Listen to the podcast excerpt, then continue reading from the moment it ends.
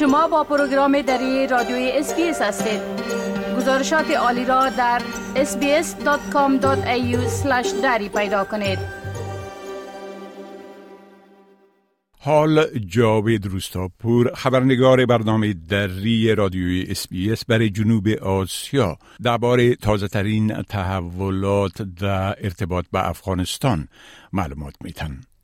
آقای روستاپور سلام عرض می کنم خب سازمان حامی اطفال سیو د چلدرن میگه که کودک ها در افغانستان تحت فشارهای روانی فزاینده قرار دارند. بله؟ با سلام وقت شما بخیر آقای شکیب. بله همون گونه که شما اشاره کردین. سازمان نجات کودکان در افغانستان از افزایش فشارهای روانی بر کودکان ابراز نگرانی کرده و گفته که بیش از چهار میلیون کودک و بزرگسال در این کشور بر روان درمانی نیاز دارند. در گزارش این سازمان که روز گذشته بر رسانه ارائه شده آمده که از هر چهار دختر در یکی از آنان نشانه های افسردگی یا استراب دیده شده و شماری از کودکان که با این سازمان مصاحبه کردن گفتند که هیجان منفی مانند نگرانی و غمگینی و عصبانیت دارند. نورا حسنین سرپرستی سازمان نجات کودکان در افغانستان گفته که بحران کنونی در این کشور کودکان را به سوی محدودیت های روانی و عاطفی می‌برد.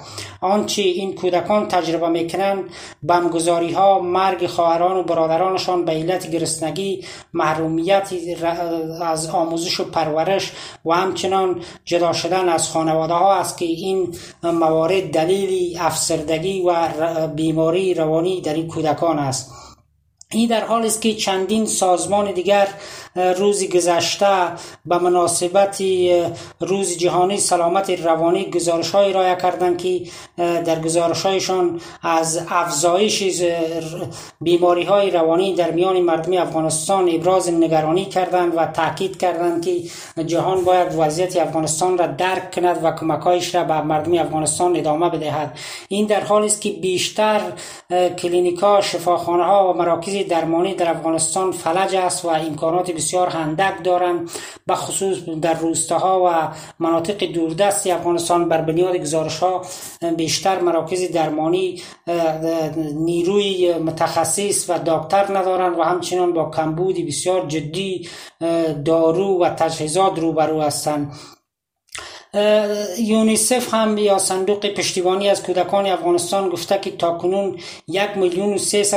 هزار کودک و بزرگسال به خدمات مشاوره انفرادی و گروهی دسترسی داشتند و از هر چهار نفر یکی از آنان از این خدمات بهرمند شده. یعنی به گفته این نهاد این تعداد کودک و بزرگسال نیاز جدی و روان درمانی دارند ولی خدمات بسیار اندک است و امکاناتی هم در مراکز درمانی وجود نداره. این در حال است که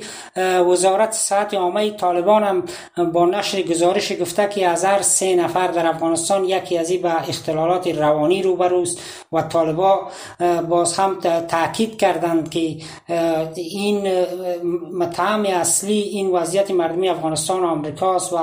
در 20 سال گذشته مردم افغانستان را به گفته مسئولان وزارت صحت طالبان زجر داد با هواپیماها به مفکنی کرد خانه های مردم را بمبارد کرد تعدادی از مردم را کشت و تعدادی را مجروح ساخت که بر سلامت مردم افغانستان به گفته وزارت صحت عامه طالبان تاثیر بسیار جدی گذاشته است. خب گزارش شده که ارزش دلار در برابر افغانی در ایروز ها بسیار پایین آمده. ولی مردم شکایت می‌کنه که قیمت اشیای مورد ضرورت روزانه مردم هنوز هم بسیار بلند است. بله؟ در حالی که بهای دلار در برابر پول افغانی در هفته های اخیر در روزهای گذشته در بازارهای افغانستان کاهش چشمگیر یافته اما شهریان کابل می‌گویند که بهای مواد خوراکی همچنان مانند گذشته بلند است. بهای یک دلار آمریکایی در سرای شاهزاده کابل دو روز پیش به 88 افغانی و 60 پول به فروش رسید اما بر روز دوشنبه به 85 افغانی کاهش یافت که پیش از سقوط حکومت جمهوریت جمهوری جمهوریت. یعنی 14 ماه پیش به امین قیمت دلار در برابر پول افغانی در بازارهای افغانستان به فروش می رسید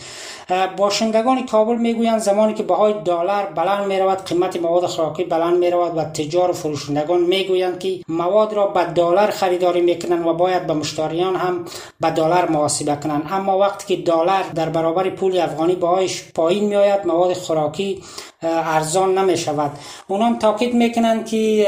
کار نیست فقر و بیکاری است و حکومت طالبا باید در این مورد توجه کند تا تجار فروشندگان و دکانداران را برایشان نرخنامه تعیین کند که از گران فروشی دست بردارن اما شاروالی کابل گفته که هفتوار این نرخنامه تعیین می‌کند و در بازارهای کابل توضیح می‌کنند و هر کس که از نرخنامه سرپیچی کند جریمه نقدی می‌شد این در است که شماری از آگاهان امور اقتصادی تاکید می‌کنند که حضور مافیای اقتصادی و وجود